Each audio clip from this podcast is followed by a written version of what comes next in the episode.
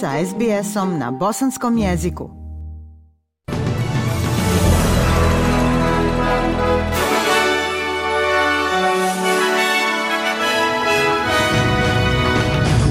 U današnjim vijestima poslušajte. Premijer Albanizi vjeruje da će Australci podržati glas starosjedilaca u parlamentu. Uskrs se slavi širom svijeta, a Papa Francis predvodio misu u Bazilici Svetog Petra. I u engleskoj premijer ligi Manchester United savladao Everton.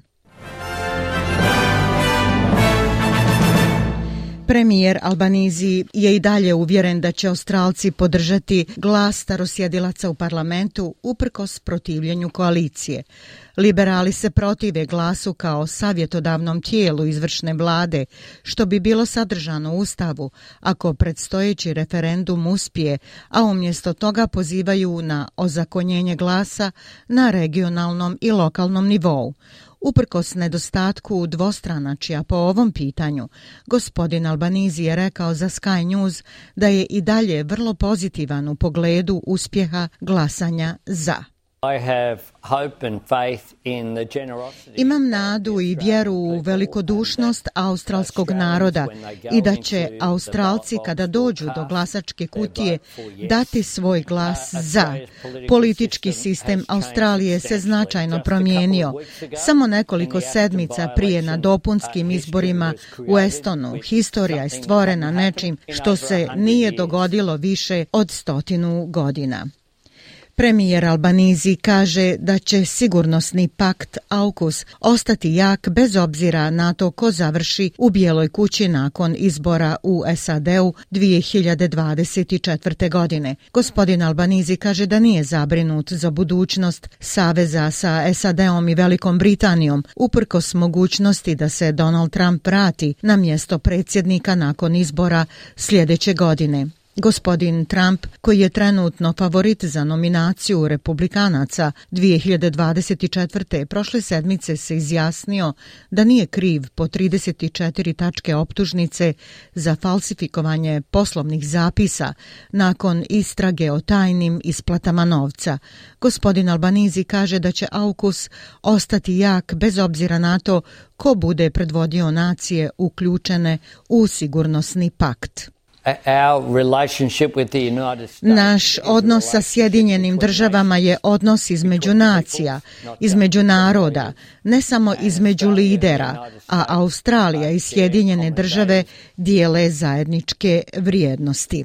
Premijer Albanizi objavio je uskršnju poruku na društvenim mrežama, poželjevši Australcima sretan uskrs. Kazao je da raznovrsnost službi i bdjenja na ovaj vjerski praznik pokazuje raznolikost nacije. Happy Easter Australia. Sretan Uskrs Australija. Za mnoge je Uskršnja nedjelja sveti dan koji obilježava vaskrsenje, proslava vjere, nade i obnove.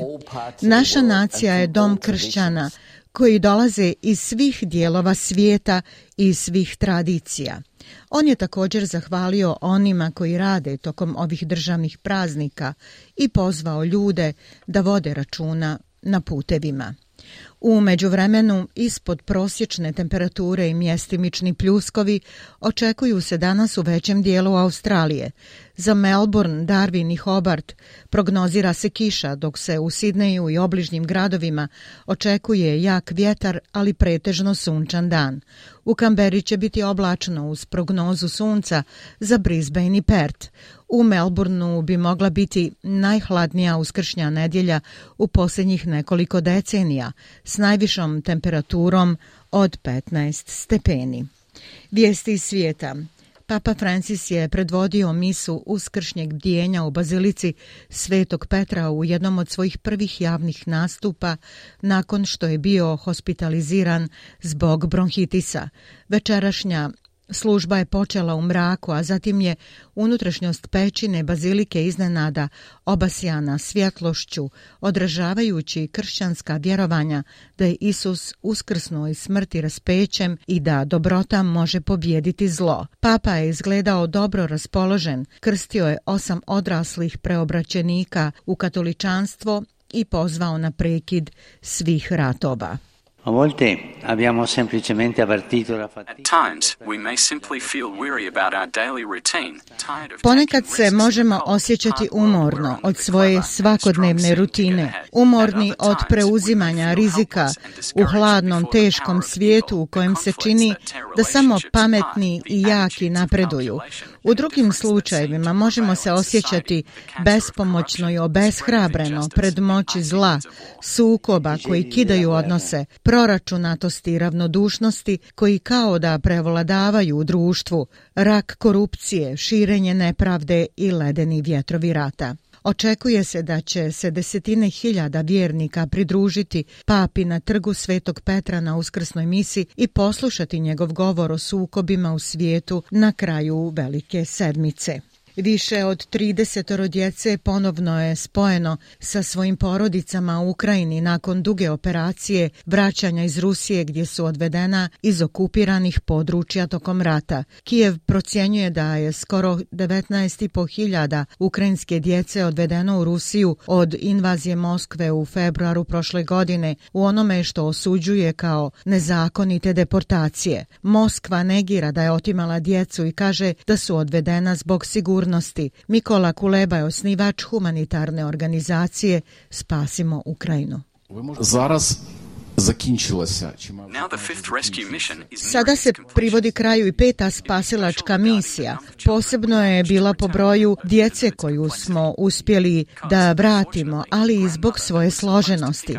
Jer, nažalost, baka koja je trebala pokupiti dvoje djece umrla je tokom spašavanja ove misije. Grupa Spasimo Ukrajinu pomaže rođacima djece koja su odvedena u Rusiju u logistici i transportu i planiranju da vrate svoju djecu. Hiljade ljudi je izašlo na proteste u Izraelu protiv vladinih spornih planova za reformu pravosuđa uprkos sigurnosnim opasnostima koje proizilaze iz nedavnog porasta izraelsko-palestinskog nasilja. Izraelski premijer Benjamin Netanjahu stavio je reformu na čekanje nakon masovnih protesta protiv plana koji je okupio veliki dio izraelskog društva u opoziciju s nizom zakona koji imaju za cilj oslabiti Vrhovni sud zemlje. Glavni protesti održani su u Tel Avivu. Najmanje 20 afričkih migranata se vodi kao nestalo nakon što je njihov brod potonuo kod Tunisa dok su pokušavali preći Mediteran i otići u Italiju. U posljednje vrijeme bilježi se porast migrantskih brodova iz te sjevernoafričke zemlje. Obalska straža je iz istog broda spasila 17 drugih osoba kod južnog grada Sfaksa, od kojih su dvoje u kritičnom stanju. Desetine su nestale i poginule u ponovljenim nesrećama utapanja na obali Tunisa, jer je Tunis postao glavna polazna tačka za ljude koji bježe od siromaštva i sukoba u Africi i na Bliskom istoku u nadi za boljim životom u Evropi.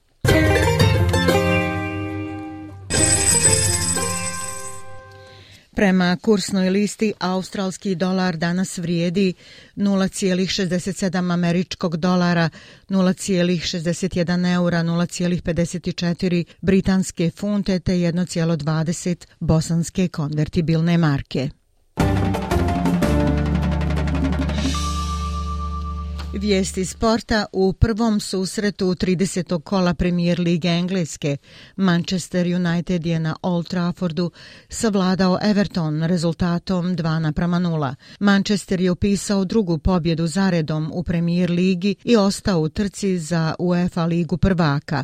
Gol za voćstvo postigao je Scott McTominay u 36. minuti, a konačnih 2-0 postavio je Anthony Marshall u 71. minutu kojem je asistirao asistirao Marcus Rashford. Ovom pobjedom United je učvrstio svoju poziciju na trećem mjestu s 56 bodova.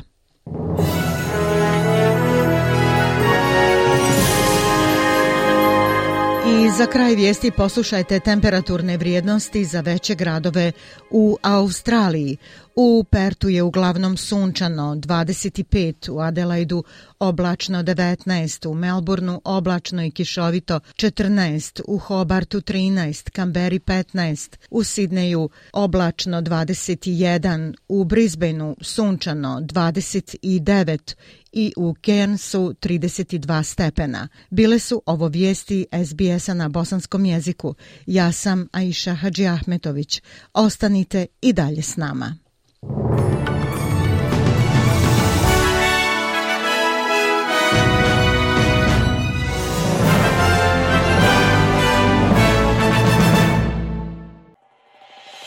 SBS na bosanskom. Podijelite naše priče preko Facebooka. Želite poslušati još ovakvih priča? Slušajte preko Apple podcasta, Google podcasta, Spotify ili kako god da primate svoje podcastove.